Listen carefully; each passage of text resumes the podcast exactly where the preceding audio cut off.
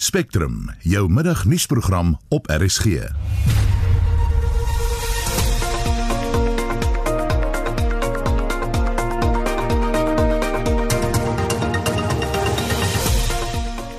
vermiddag se program die polisie sê boodskappe wat rondgestuur word op sosiale media dat jy in hegtenis geneem sal word of beboet sal word as jy nie 'n masker dra nie is vals. So it is a containment measure. People are requested or advised to wear a mask. It's for their own protection and for the protection of others. But it doesn't constitute a crime. A person cannot be fined, arrested, or warned for not wearing a, a mask. Die motorindustrie heropen vandag, maar kan ons die agterstand inhaal? Ons vra of dit regtig so belangrik is om slegs beperk te word eh, tot die aankoop van sekere kledingstukke.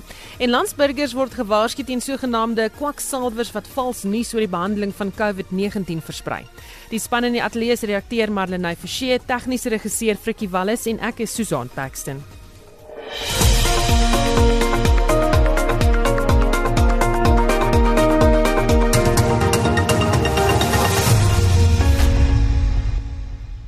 So bykans 10 minute oor 1 jy luister na Spectrum. Daar steek geen maar geen waarheid in die boodskap wat op sosiale media rondgestuur word dat die polisie jou sal beboet of selfs in hegtenis sal neem as jy nie 'n masker dra nie. Die nasionale woordvoerder van die polisiediens, brigadier Vish Naidu sê jy kan wel toegang tot plekke en openbare vervoer geweier word, maar niemand mag jou in hegtenis neem nie. The non-wearing of a mask in a public place doesn't constitute a crime. However, it is a containment measure people are being encouraged to wear a mask. And if they don't wear a mask, the least that can happen to them is that they will not be allowed into, for example, a supermarket, a shopping mall, or a public transport like a taxi, minibus taxi, or a bus, or if when the trains are running, or a train for that matter. So it is a containment measure. People are requested or advised to wear a mask. It's for their own protection and for the protection of others. But it doesn't constitute a crime. A person cannot be fined, arrested, or warned for not wearing a, a mask. En dit was die nasionale polisie woordvoerder brigadier Vish Naidu. 'n Senior vernoot van Webber Wensel wat spesialiseer in arbeidsreg en beroepsveiligheid, Johan Olivier sê dat daar wel arbeidsreg en regulasies oor beroepsveiligheid geld waaraan werkgewers moet voldoen wat maskers betref. Hy sê werkgewer kan in die moeilikheid beland as hy nie daaraan voldoen nie. Olivier sê egter die regulasies is nie van toepassing op die breë publiek nie. Ek gaan vir jou so sê die die die die grootste meerderheid van werkgewers sukkel met die toepassing want inteendeel wat hulle moet doen is daar is ook uh, 'n nuwe riglyn vir elke werkgewer om veiligheidsmaatreëls in te stel. Ek weet nie wie daarvan bewus is nie. Ja ja. Maar dit was ook uitgereik op die 28ste April alreeds. Yes. Waar die minister van arbeid vir alle werkgewers riglyne gegee het. Dis hoe jy jou werksplek en goed moet veilig maak. En een van daai aspekte is dan uit die aard van die saak, jy moet vir elke werker moet jy ten minste twee gesigsmaskers gee en dit moet nou van materiaal wees. Hulle moet dit in alle openbare plekke dra want dis al reeds wat die wat die regulasies van 29 April vereis van elke persoon.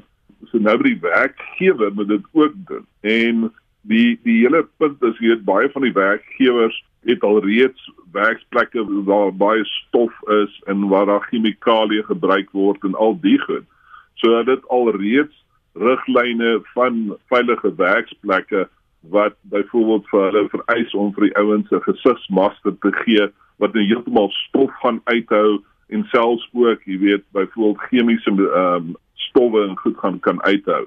Daai is uit die aard van die saak baie meer gesofistikeerde maskers. Maar nou kom COVID-19 en nou moet jy addisionele riglyne en opleiding gee vir al jou werknemers sodat hulle daai maskers as hulle gesigsmaskers dra, hoe dra hulle veilig dat dit wel die doel dien wat dit moet hê en hulle moet dit verskaf en die werkgewer moet dit ook skoonmaak of reëlings maak hoe om dit skoon te maak.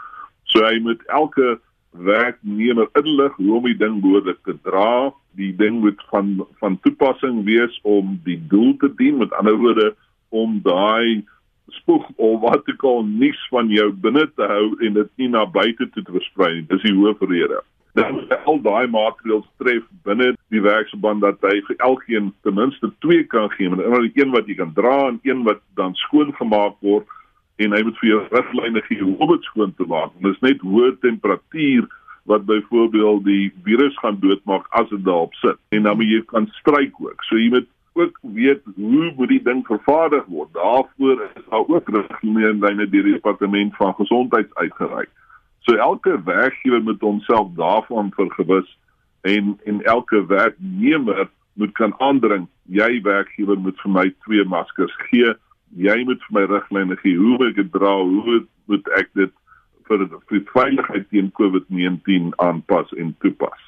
dit is in daai opsig die werkgewer se verantwoordelikheid as die werkgewer dit nie behoorlik toepas nie wat gebeur dan met hom die tweede aspek is natuurlik dit is nie 'n oortreding om nie 'n masker te hê nie om te dra nie uh, ek dink daaroor was daar algemene wantoepassing deur ons polisie en selfs die munisipale polisiebeamptes wat mense sommer op die straat gaan arresteer as hulle nie hulle maskers dra nie. So dis 'n regulasie wat sê dit is aanbeveel dat elke persoon dit moet dra en hulle moet dit in openbaar dra en hulle gesig toemaak om die verspreiding van die virus te, te verseker. Nou dit is nie 'n 'n strafbare oortreding as jy dit nie dra nie, maar jy kan aangespreek word in die openbaar deur polisiebeamptes as jy dit nie doen nie. Maar wat die werksplek betref is dit iets anders.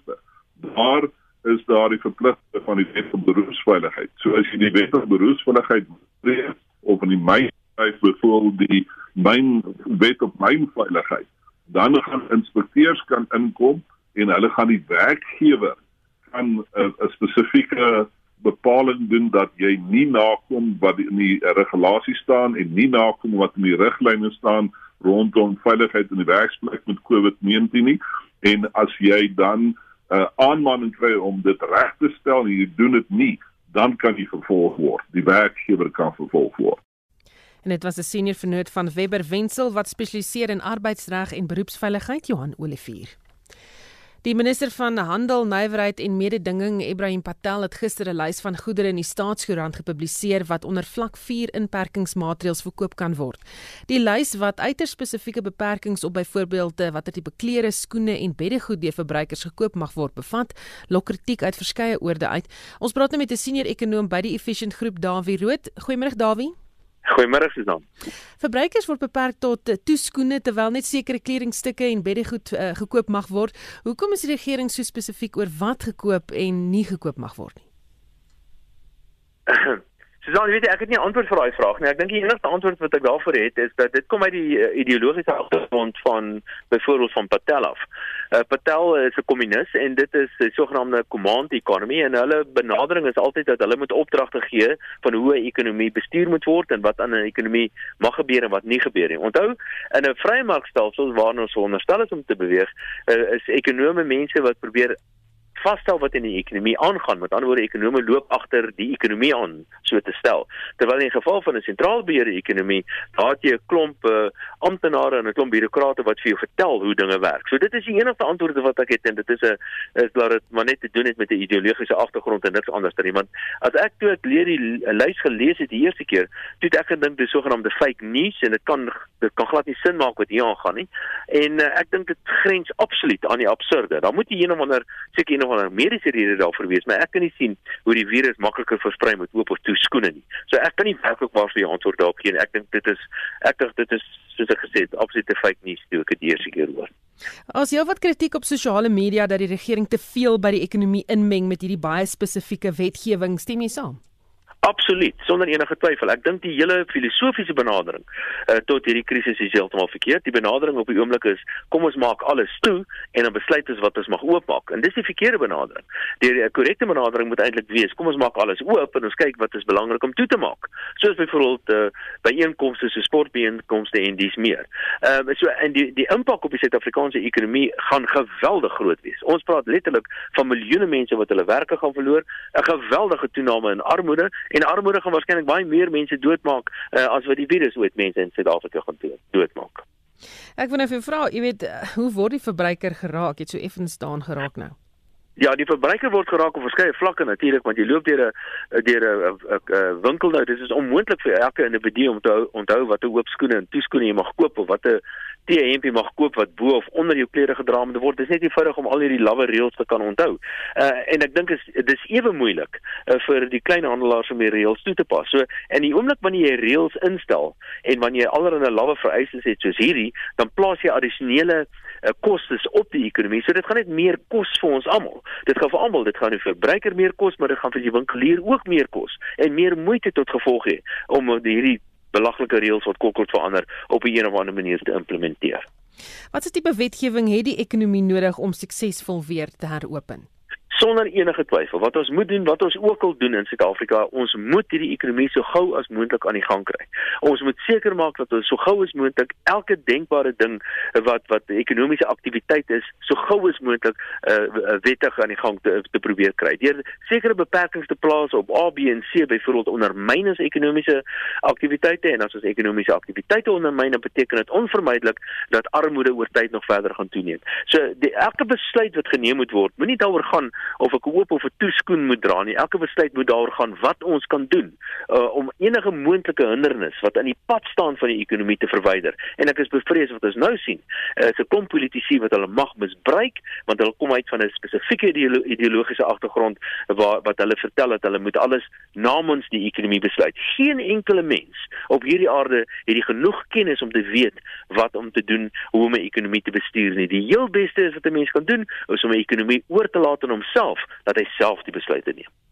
En dan die eh, reguleer of die regulasies en wetgewing wat uitgesit. Dink jy dit is uh duidelik genoeg of is dit steeds onduidelik? Jy weet hulle fokus hulle ook op die regte ehm um, jy weet aspekte van hierdie wetgewing in terme van uh besonderhede. As ons byvoorbeeld kyk na wat hulle sê, jy moet uh, net crop bottom skoop met boots and leggings, ek al nou of aan and ja. closed toe shoes waarna jy verwys die hele tyd. We, weet jy dit is dit dit grens aan die totale absurde. Ek weet nie, ek dink dis moontlik 'n mediese vraag, mens moet vir 'n mediese dokter of iemand 'n viroloog vra of daar enige verskil is tussen oop en toe skoene wat virusse aanbetref byvoorbeeld. Ehm um, ek het nie antwoorde daarvoor nie. Ek weet nie hoekom die mense op op so soveel detail probeer om die ekonomie te probeer reguleer en bestuur nie. Jy kan dit nie eenvoudig nie doen nie. Ek kan glad nie sien hoe dit enige bydrae gaan lewer gaan lewer in in die in die poging om te keer dat die virus verder versprei nie. En soos ek gesê het, ek dink hierdie ding is maar net oor live van 'n klomp ideologiese bagasie wat hierdie spoelinetokrate saamdra en dat hulle dink hulle kan die ekonomie voorskryf hoe om bestuur te word. Ek dink die benadering is heeltemal verkeerd. Soos ek genoem het, maak op die ekonomie so gou as moontlik. Baie dankie dit was die senior ekonom van Efficient Groep Dawie Rood. Nou die minister van Handel en Nywerheid en Mededinging, Ibrahim Patel, het ook gisteraand aangekondig dat sekere handelsaktiwiteite wat voertuie behels gedurende vlak 4 toegelaat sal word. Dit is deel van die regering se pogings om die ekonomie weer aan die gang te kry. Ons praat nou met die tegniese adviseur van die tydskrif Car, Nicole Lou. Uh, Goeiemôre Nicole. Goeiemôre Susan. Wat behels die streng regulasies waaronder motorhandelaars dan nou mag handel dryf? Ja, eerstens wil ek sê ek dink die die motorwêreld gaan baie bly wees oor hierdie regulasies. Ons dink die naamsaalsyfer is uitgekom en laas jaar in April is daar amper 37000 voertuie verkoop en hierdie jaar April is skamele 574 voertuie. So ons weet hoe belangrik die motorbedryf is. 7% van die BBP van die land uh, hang af van die motorbedryf. So ek dink ons almal verwelkom 'n bietjie verslapping in die reëls uh, in die verkope van nuwe voertuie. Maar dis nie so eenvoudig nie. Daar is uh, ons is natuurlik op vlak 4 inperking en binne in vlak 4 is daar nou 3 fases van motorhandelaars wat bekend gemaak word of hoe dit bedryf mag word. So net om vinnig te sê op vlak 1 wat nou gister begin het, uh, mag daar dan 30% van die werkers mag by motorhandelaar werk. Alle voertuigverkope gebeur dan aanlyn. Uh, jy mag nog steeds gaan vir 'n toetsrit, maar net op afspraak en uh, die voertuig jy mag nie gaan optel by die handelaar nie. So as jy 'n voertuig koop, moet dit by jou huis afgelewer word, daar dat dit net nou mooi skoon gemaak is. En uh, dan kyk ons na fase 2 van die motorverkope wat 26 Mei gaan inskop. Dan kan 60% van die werkers mag by handelaars begin werk. Ehm um, dan mag die die publiek dan in beperkte getalle gaan na die vertoonlokaal om dan na die voertuie te kyk toetsriste mag nog plaasvind. As ons kyk na veilinge nog steeds net aanlyn op die eerste fase ook net aanlyn veilinge En dan uh, fase 3 is dan nou um, 8 Junie waar dan die motorverkope amper dan nou heeltemal oopgemaak word. Nog steeds net beperkte mense wat in 'n handelaar mag ingaan, maar dis maar dieselfde soos wat ons nou winkels toe gaan. So ek dink dis baie goeie nuus vir die vir die motorbedryf. Ek dink daar's baie families al buite wat bly sal wees as daar weer 'n inkomste kan terugkom en soos ons weet, ons almal weet hoe belangrik is die motorbedryf vir Suid-Afrika se ekonomie. Hoe groot was die impak uh, van die Grendeltydperk op motorverkope? Soos genoem aan die begin, dit was 'n reuse impak geweest. As ons kyk na April, 98% minder voertuie is verkoop weens die inperking. Dis natuurlik ongelooflik as mens dit 'n geldwaarde aan moet koppel. En natuurlik ook omdat die handelaars nie oop was nie, uh, motordienste en so aan het ook nie plaasgevind nie. Onder vlak 5 was daar net as daar natuurlik essensiële motordienste as ambulanse of een van die voertuie wat essensiële werkers gebruik, ehm, 'n um, probleem het kon hulle gediens word. Nou in in die nuwe regulasies kan gewone uh, eienaars van motors ook hulle voertuig laat diens indien die afstand tot die tyd wat die motor gediens moet word verby is. So dis ook goeie nuus. Ten minste kan die diensentrums begin oopmaak ook net op afspraak, so daar's nog steeds regulasies daaroor. Maar ek dink ja, die die die spreekwoordelike wiel van die motorbedryf kan nou weer begin draai en uh, ek dink dit gaan 'n uh, baie baie groot goeie verligting wees vir die motorbedryf en veral vir die vir die geld wat verlore gegaan het in hierdie laaste tyd. Baie dankie, dit was Nicole Lou, hy's van die tydskrif Kar. 'n dringende intern of interne ondersoek het bevind dat die KwaDokuza munisipale wetstoepassers nie 'n 4-jarige kind hardhandig behandel het nie. Groot ontevredenheid het ontstaan toe 11 inwoners in hegtenis geneem is omdat hulle onwettig op die strand was. Die munisipaliteit sê in 'n verklaring dat die kind in die video wat op sosiale media versprei is, weggeneem is ingevolge die kinderwet toe sy pa by 'n kompleks in hegtenis geneem is. Dries Liebenberg berig.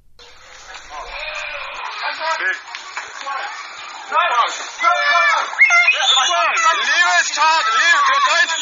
Hey, get your hands off this child. Get your hands off of this child. Somebody call the police. In die video begin die 4-jarige kind te huil terwyl 'n manlike beampte hom na die komplekse hek neem terwyl hy sy hand vashou. Wanneer die pa naderstorm en die kind gryp, is daar 'n onderonsie waarin die beampte en die pa aan die kind trek. Die pa sê die kind aan om na 'n vrou te hardloop terwyl hy geboei word. Die munisipaliteit sê in 'n verklaring die man het probeer weghardloop nadat hy en 10 ander mense strydig met grendelregulasies strand toe gegaan het. Hy en die kind het albei swemdrag aan.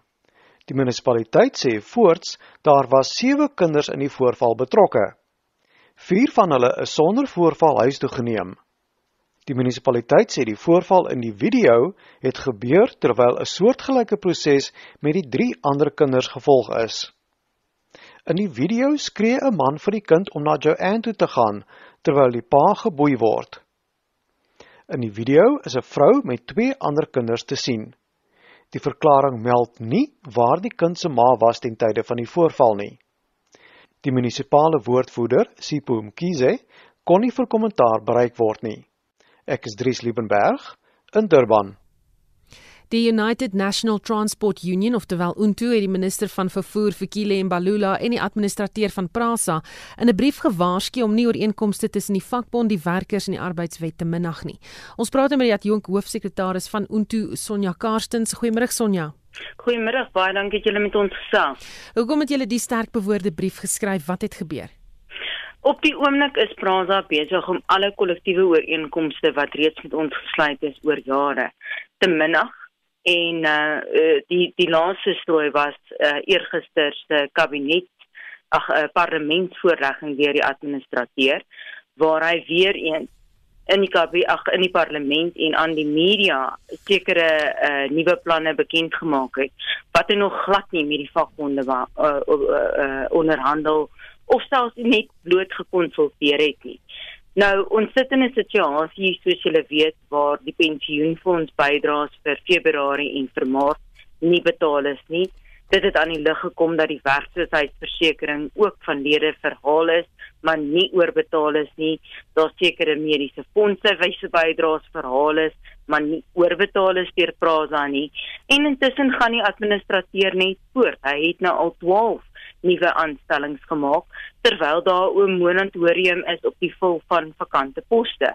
So ons kan nie sien waarom daar gepraat word oor afleggings, waarom die oortyd wat mense gewerk het in Maart en in April nie betaal kan word, maar die administrateur gaan voort om nuwe mense aan te stel ten duurste nie. En wat het intussen gebeur met die vakbond lid wie nie sy pensioen kon kry nie weens hierdie gebeure? Dit hang nog steeds in die lug. Praza sê letterlik, ons gaan julle betaal, ons weet nie nie wanneer nie. Nou, hoe verduidelik jy byvoorbeeld vir iemand wat nou heidaglik geen doodstekking het en geen geen uh, 'n uh, 'n uh, ongeskiktheidstekking het? Weet weet jy wat? Wees maar net geduldig. Praza, jou werkgewer het dit van jou verhaal. Hulle gaan dit eendag oorbetaal, maar ons kan nie sê wanneer. Dit is nie onaanvaarbaar. Dit is platant uh, uh, platante diefstal en bedrog. Jy mag dit nie doen nie. En ons gaan nie Prasa daarmee laat wegkom nie. Dan sal word die geld vandag betaal. Gaan die strafsaak voort. Die strafsaak is besig om goed te vorder. Dis van so aard wees die weens die bedrag dat die gespesialiseerde handelsmisdaadeenheid in Johannesburg nou die dossier gaan oorvat om dit aan die volke te gee vir ondersoek. Beplan jy om uh, plan julle eerder dalk om te staak ook? Baie beslis. Ons het sewe stakingssertifikate wat oor 'n uh, tydperk in ons guns uitgereik is vir vir verskeie uh uh, uh aspekte waaraan Praza net nie gehoor gegee het nie. Aan die einde van die dag is 'n staking die laaste uitweg. Dit kan nie wees tydens hierdie afperkingsperiode nie. Maar ons sal Praza op sy knieë dwing en verhoed dat hy enigstens verdere dienste kan hardloop wanneer hy in staat is om dit te kan doen. As die administrateur en sy minister nie baie vinnig hulle houding teenoor die vakbonde reg kry nie. Ons gaan nie toelaat dat hulle ons lede met so min respek behandel nie. Dis mense wat hulle self in hierdie tyd blootgestel het om 'n diens te praat te lewe. Baie dankie dit was die adjunk hoofsekretaris van Untu Sonja Karstens. Jy luister na Spectrum elke weekmiddag tussen 1 en 2. Dit is so presies half 2 en vroeër in die program die polisie sê boodskappe wat op sosiale media versprei word dat jy in hegtenis geneem sal word of beboet sal word as jy nie 'n masker dra nie is vals. So it is a containment measure. People are requested or advised to wear a mask. It's for their own protection and for the protection of others. But it doesn't constitute a crime. A person cannot be fined, arrested or warned for not wearing a, a mask.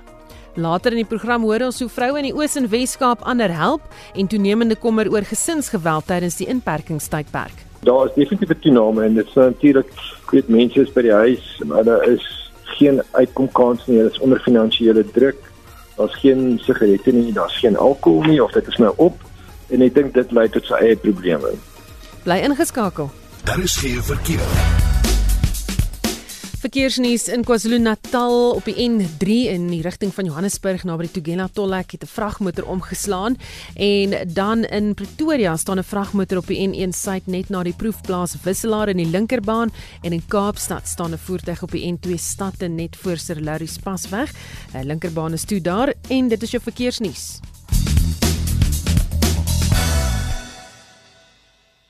Nou 1333 jy luister na Spectrum die spesiale hulplyn wat opgestel is om mense te help wat onder gesinsgeweld ly. Het binne die eerste 3 weke nadat die staat van inperking begin het met meer as 120 000 oproepe um, gestyg of hulle het soveel oproepe ontvang. Die wat ingebel het het gekla nie net oor fisiese geweld nie maar ook oor emosionele geweld. Shandy Tron die senior vernoot van Tron ingelyf in Sandton is ook 'n familieregspraktisyn en hy sê die probleem is nog altyd deel van ons samelewing. Dit word nou net belig deur die staat van inperking? Ek dink die feit dat meer en meer mense bekragtig voel en dis nou vrouens om dit te rapporteer is self uh, verantwoordelik vir die toename in die syfers. Dit beteken nou net eerlik dat daar meer gesinsgeweld is nie. Dit beteken net dat daar meer 'n uh, uh, rapportasie van gesinsgeweld is. Maar as jy kyk en ek was 'n kont gewees met 'n paar van die skuilings waar mense nou wat wat nie by die huis op die oomblik kan wees nie weens omdat hulle vrouens en kinders wat in gevaar is by hierdie skuilings is daar definitief 'n toename. Hulle is oorvol. So daar is 'n toename in, in gesinsgeweld. Ek dink die laaste uh, soort van presentasie waarop ek kan staat maak was 36% toename gewees of 36% toename in die rapportasie van gesinsgeweld. Ja, so daar is definitief 'n toename en dit is natuurlik weet mense is by die huis, hulle is geen uitkomkans nie, hulle is onder finansiële druk. Daar's geen sigarette nie, daar's geen alkohol nie of dit is nou op en ek dink dit lei tot sy eie probleme. Kom ons kyk dan nou na daai statistiek. Ja, die laaste ek sê die laaste statistiek was 'n 36% toename gewees en dit kan nou ook 'n toename wees in die rapportering en dan ek van dit is natuurlik ook 'n toename in die gesinsgebeld wat plaasvind. Maar ek dink mense wil baie meer bekragtig en daar is definitief gefokus daarop en daar's baie meer organisasies as jy net Google wat sê rapporteer hier, rapporteer hier, rapporteer hier.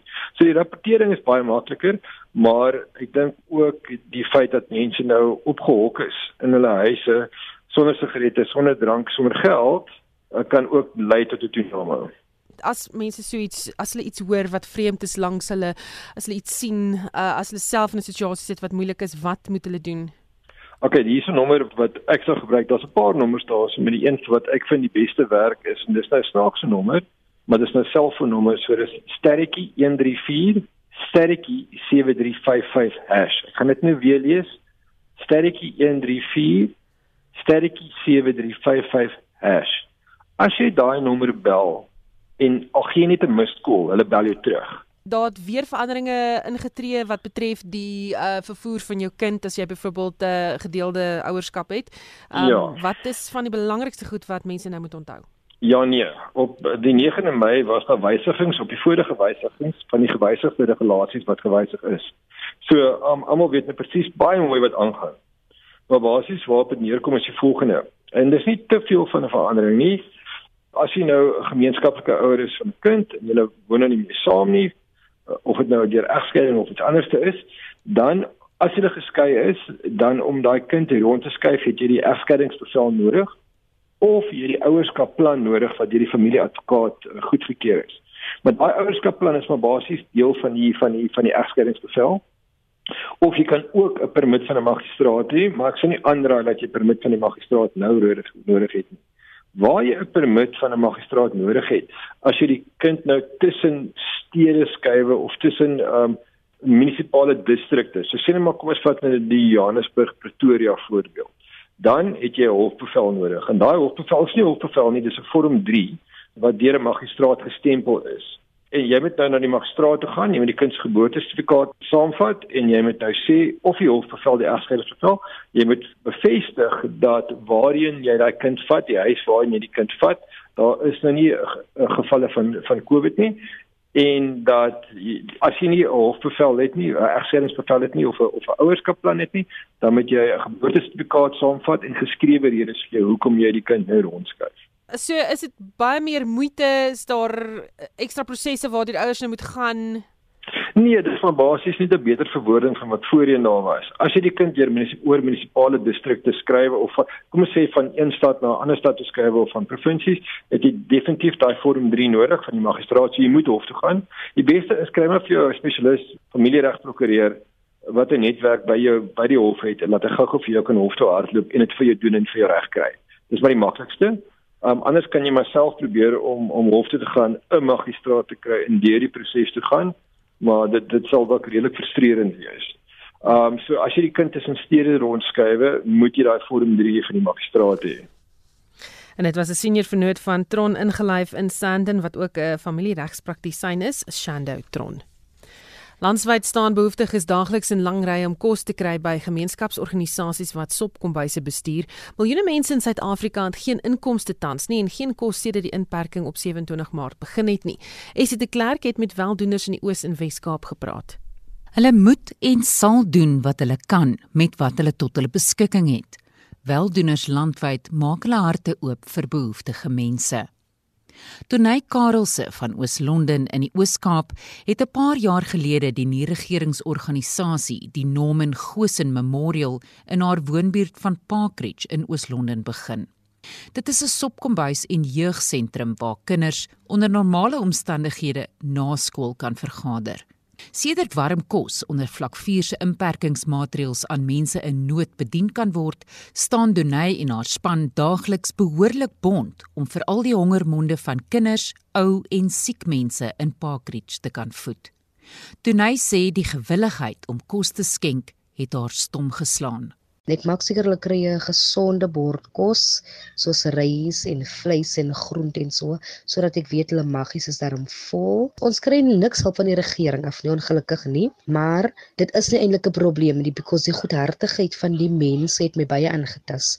Mense het uitgekom met hulle doppe uit en dis iets wat ek nooit sal vergeet nie met die COVID-19 het baie mense my gebel om te vra nou hoe gaan jy nou maak met die kinders en so? Kan ons jou help? So besigheid het uitgekom families het uitgekom kerke het uitgekom ander NPO's het uitgekom om te help. En dis iets wat ek nooit sal vergeet nie en wat ek altyd sal verdankbaar wees is om te bewys hoe die mense bymekaar kon gestaan het gedurende hierdie tyd nog 'n regeringsorganisasie in Tafelsig in die Wes-Kaap, die Tafelsig Upliftment Community Forum, het weens COVID-19 en die inperkingsmaatreëls 'n ander rol wat nou vervul word. Die bestuurder, Liesel Manuel, sê hulle voed sowat 200 mense elke dag en is geheel afhanklik van skenkings. Tafelsig Community Uplifting Forum is 2 jaar in werking waarvan ons in die verlede gangstergeweld in die area beveg het waarvan ons met mense gewerk het wat mishandel en misbruik was. Nou tans met die lockdown is ons ons fokus om ons mense dagliks te voed in die area omdat me, ons ons bly in 'n area waar mense verskriklik swaar kry. En om dagliks um, ons gemeenskap te voed is baie swaar omdat ons nie die kapasiteit het waar dit vat om um, die nood van almal of die hoeveelheid wat ons graag wil bereik te bereik daagliks nie. Dunay sê sy is ontsettend dankbaar vir die vrywilligers uit haar gemeenskap wat haar help. Ek het twee mammies, hulle is my linkerhand en my regterhand en my voete en alles. Ek het 'n 1-jarige baba, so hy's baie besig, so die help wat ek van hulle afkry, sal ek vir niks verruil nie vir niks nie. En hulle oos ook nie uitsoekerig nie. Hulle vra nie vir betaling nie op die einde van die dag. Alles wat hulle net soek is net 'n kospakkie vir die week sodat hulle eie familie en hulle eie kinders ook gevoed kan wees. Mense staan elke dag van vroeg af reeds in lang rye al word die kos eers teen 3:00 middag bedien, sê Liesel. Ons mense is baie teleurgestel in ons regering want dit mense voel dat ons regering luister nie na hulle hulpgeroep nie en dat hulle nie ons nood aan hierdie kant van tafel sig sien nie. Ons doen maar elke dag net ons bes om die ou mense, die kinders, die gemeenskappe in in geheel en al kossies te gee. Maar ons het help nodig. Anders as by Liesel in Tafelsig, lewer Donay en haar helpers daagliks die ete by die mense in haar gemeenskap af. Dit, sê sy, is vir haar die grootste uitdaging op die oomblik. Die kinders is nog klein en hulle weet nie iets van social distancing af en so nie. So wat ek doen, ek kook die kos, ek pak die kos en ek en die mammies ons aangesien ek nog nie 'n voertuig het of so nie, vat ek maar nou 'n trolley en dan die lewe ons die koste aan die siekes en aan die kinders huis tot huis straat vir straat. Die area is 'n bietjie groot so dit put my so effens bietjie uit, maar wat ek doen sal ek vir niks en vir niemand verruil nie. Die welwillendheid van mense soos Dunay en Liesel word bestempel as die hartklop van behoeftige gemeenskappe. Ek is Estie de Klerk vir SAK nuus. Die minister van basiese onderwys, Angie Motshega, gaan na verwagting môre die media toespreek oor wanneer die skole sal heropen. Ekonome aan die departement ekonomie aan die Universiteit Stellenbosch sê die jongste leerders moet eers terug gaan skool toe. Dit sal die minste risiko vir die verspreiding van die koronavirus inhou. Ons praat met Dr. Nick Spal, die hoofnavorser en skrywer van die beleidsverklaring wat deur die universiteit uitgereik is. Goeiemôre Nick. Yes, hi. Waarop is julle navorsing gebaseer? Uh, there's a lot of research that's coming around um, from the other countries that have experienced the COVID virus before it got to South Africa. Uh, so I wanted to summarize that research um, in this policy brief for the, the Minister of Basic Education and other policymakers. En uh, jy sê graad R1, 2 en 3 leerders moet eerder eerste terug gaan skool toe. Hoekom? So, one of the things that has come out of this research um, from countries like China and Japan, Germany, the Netherlands, Iceland, and so on, is that young children don't seem to catch this virus uh, in the same way that adults do. Um, so, they're much less likely to catch the virus. They're also much less likely to transmit the virus. Uh, so, because of that, um, the argument that I make in this policy brief uh, is that the youngest need to go back to school first. Uh, and currently, the, the minister's proposal is that matrics need to go back, the grade 12s, And I agree with that. I think that if they don't go back, it's going to disrupt a lot of things around university life, around grade repetition at school, uh, etc. But after the matrics go back, rather than saying that the grade sevens should go back, I think that grade R, 1, 2, and 3, as well as preschool and ECD, uh, are the ones that should go back first because, as I say, they're much less likely to catch the, catch the disease or transmit it. Jy sê ook dat om kinders onder 10 jaar toe te laat om eers skool toe te gaan, dit meer ouers die geleentheid sal gee om terug te gaan werk toe ook. Yeah, so I mean, I think this is one of the most important reasons why children should go back. Obviously, their health uh, and safety is our number one concern, both their health and safety as well as their uh, their parents, their grandparents, and their teachers. Um, but children under the age of 10 uh, are also those that have the highest childcare burden, the highest needs. Um, so I'm really worried that if we keep extending this lockdown indefinitely, uh, originally the lockdown was meant to buy time for the healthcare system to prepare, but now people seem to think it's a way of stopping infections. And I think we need to accept that you cannot stop infections until um, the vaccine comes along. You can only space them out so that they don't all happen at the same time. Um, so the reason why we say that these children need to go back to school is both both because they don't seem able to transmit uh, the virus at the same way that adults do, uh, but also you can't go back to work unless your children have gone back to school. Um, so I think that some of the evidence coming out of the US, for example, I think that's the the most compelling because they have the highest infection rates and the highest number of deaths. Uh, where 132,000 people just this year have died from COVID 19, but only 20 of those are children, so uh, under the age of 14. Um, so it was 0.015%. I mean, kids are 10 times more likely to, to die from pneumonia than they are from COVID 19.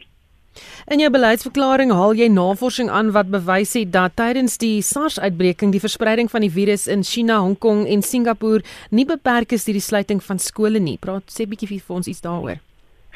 So there is some um, there is some disagreement about this uh, in the in the literature about whether these lockdowns and school closures limit the spread of the disease.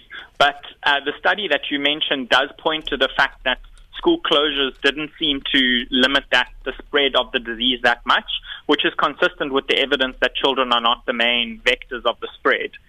Um, there's another study that was done in the University College of London, and they show that social distancing is the main thing that would lead to uh, a reduction in infection rates rather than school closures. School closures only contributed 2 to 4 percent uh, of the reduction. So it doesn't seem that school closures are the primary, uh, the primary way that we can limit the spread. Baie dankie dit was Dr Nick Spal van die Departement Ekonomie aan Universiteit Stellenbosch. Wetenskaplikes moet nou die strydbel opneem teen kwaksalvers wat 'n oorvloed misleidende en gevaarlike oplossings teen COVID-19 se verwoesting verkwansel. Althans so skryf 'n Kanadese regsgeleerde in gesondheidswetgewing in die vaktydskrif Nature. Professor Timothy Caulfield van die Universiteit van Alberta en aanbieder van die televisieprogram A User's Guide to Cheating Deaf, sê duidelike stappe uiteen oor hoe wetenskaplikes en die breë gemeenskap kwaksalvers en gesondheidsbedrog behoort te stuit. George Lawson, ons wetenskapsjoernalis en wetenskapskommunikasiedosent George, eh, ek nou net gesê George Lawson. gaan vir ons meer hieroor vertel. Goeiemôre George. Goeiemôre Susan. Ek moet eers vir jou vra, dis ook nogals iets waar jy baie sterk voel is dat eh, jy weet hierdie vals berigte wat versprei word groot konsternasie veroorsaak. Ja, inderdaad. En uh veral in hierdie onsekere tye maak mense die verkeerde besluite oor hulle eie gesondheid omdat hierdie goed die hele wêreld vol versprei word sonder dat dit behoorlik getoets is. Goed, waaroor rig professor Timothy Caulfield van die Universiteit van Alberta nou hierdie waarskuwing? Wel, hy eh, praat van die pandemie ook as 'n infodemie omdat daar soveel verkeerde inligting of uh, eh, inligting is wat nou versprei word wat vals inligting hoogtyd laat vier en kwaksalwery is nie bloot 'n onskuldige misleiding nie. Uh, baie mense sê hoekom los ons maar nie die mense nie? Uh, want dit kan mense doodmaak. Jy weet valse inligting oor sogenaamde medikasies en preparate kan mense totaal mislei om potensieel gevaarlike middels aan te koop wat hulle glo hulle teen die virus kan beskerm en en en dit dit stel hulle lewens in gevaar almal se lewens eintlik in gevaar. Watter soort kwaksalwer praktyke en preparate verwys hy na? O, daar's 'n magdom van hulle, die urine van koeie blykmiddels, kokaine is almal al genoem as teenmiddels teen COVID-19 om jou van die siekte te genees. Die pandemie word deur kwaksalvers en teropate, uh sogenaamde holistiese dokters uh, en ek sê dit is in aanhalingstekens en pseudowetenskaplikes en samesweringsverkondigers toegeskryf aan 'n biowapen wat deur die Chinese gelek is of 'n nuwe produk van 5G selfoontegnologie en honderde van hierdie sogenaamde gesondheidsgurus en alternatiewe medisyne kwaksalvers probeer mense kry om onbewese en ongetoetste salwe pille krye jy noem dit maar op medikasiepraktyke voorthou as wyse om die immuunstelsel te gee die immuunstelsel is nou die groot nuwe modewoord Uh, die nuutste is hierdie nikotienplakkers wat glo jou in meer in staat stel om bestand te wees teen die virus terwyl die bitterklein studie wat dit beweer in Frankryk is nie gepubliseer nie en dit was nie in 'n vaktydskrif nie en daar is 'n klomp vrae wat daaroor bestaan. Wat stel hy voor moet wetenskaplikes nou doen om die soort gevaarlike kwaksalwery praktyke hok te slaan? Hy stel twee dinge voor en, en die eerste een wat hy sê is geweldig belangrik Uh, ons moet ophou om gesondheid, pseudowetenskap en kwaksalwery te verdra in die eerste plek en tweedens om dit te legitimiseer. Uh wat valse COVID-19 terapie word ondersteun en omarm deur sogenaamde integrerende gesondheidssentra by leidende universiteite en hospitale en apteke. As jy in 'n apteek instap, kan jy die grootste klomp nonsens koop wat niks met uh, bewese medikasie te doen het nie. Die Universiteit van Johannesburg byvoorbeeld bied 'n kursus aan 'n graad in homeopatie wat glad nie hoort by 'n universiteit nie want homeopatie is oor en oor bewys as net 'n placebo uh in wat wat uh Caulfield sê is die universiteit hospitaal en apteek behoort nie onwetenskaplik te wees deur opleiding te verskaf, behandeling te gee en produkte te verkoop waarvoor daar geen geporteer geëvalueerde bewyse bestaan nie. En dan sy tweede punt wat hy maak uh, uh hy sê meer navorsers en wetenskaplikes moet aktief die stryd by opneem teen disinformasie en valse inligting. En hierdie ekskuus tog? Nee, gaan voort. Hy sê hierdie kwaksalvers versprei onbewese idees en gebruik dit in die taal van die wetenskap. Hulle hulle kleer dit pragtig mooi in 'n kleed van wetenskaplike taal. Hy noem dit science exploitation soos exploitation maar science exploitation. Hulle gooi terme soos quantum fisika, charkas en auras rond om dit 'n wetenskaplike aansien te gee terwyl kwantumfisika totaal nie toepaslik is in gesondheidskwessies nie.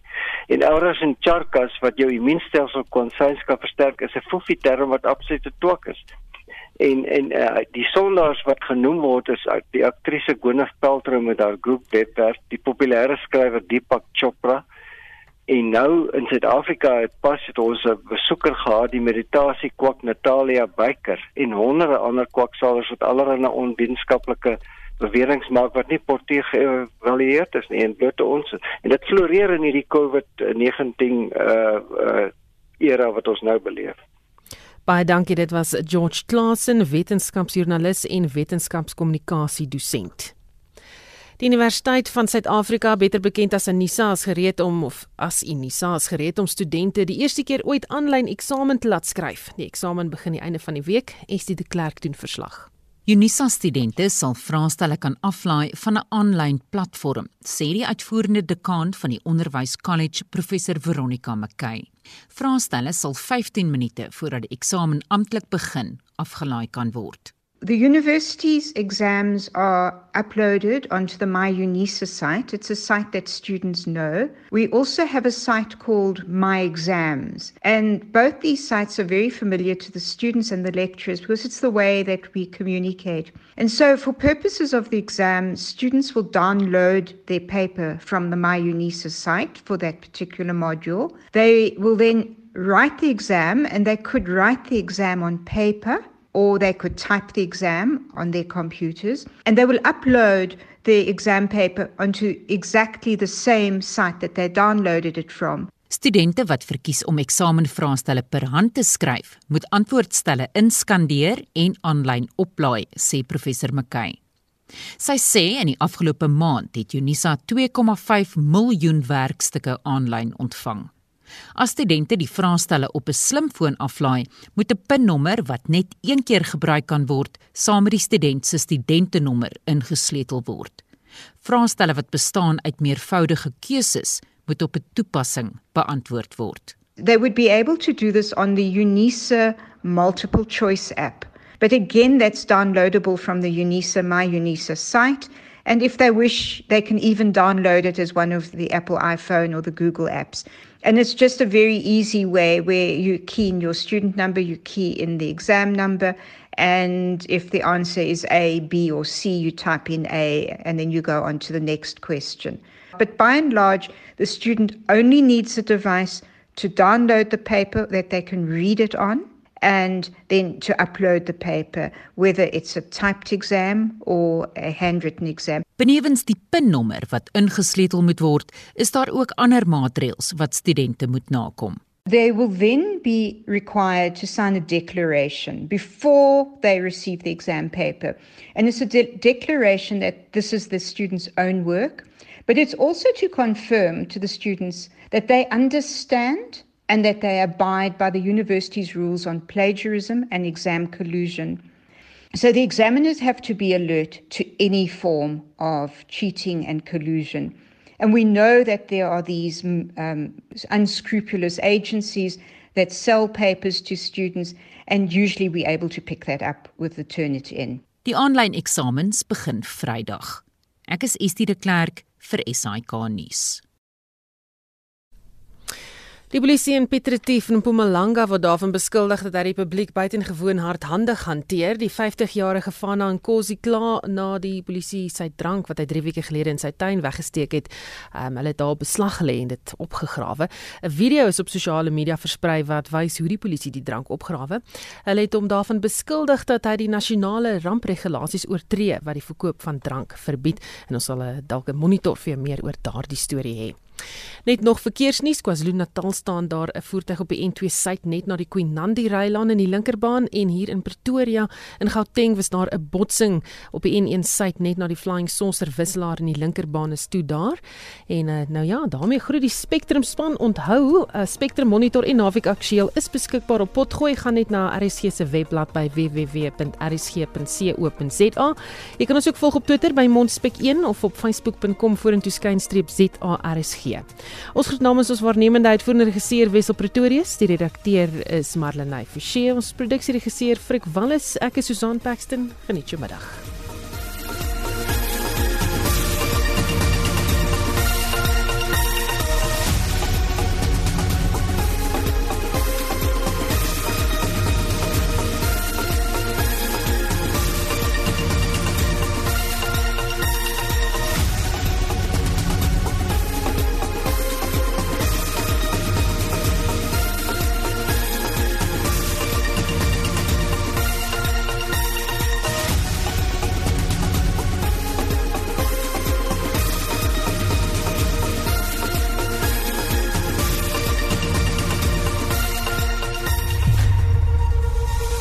SAK nuus. Onafhanklik, onpartydig.